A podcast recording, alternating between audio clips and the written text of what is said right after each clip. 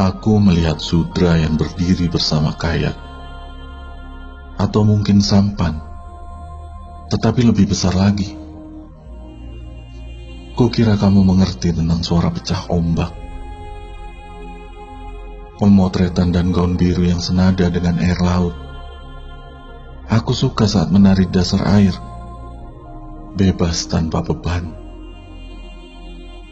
Rambutku menjulur mengikuti ritme air provinsi yang indah pada titik Kolbanu,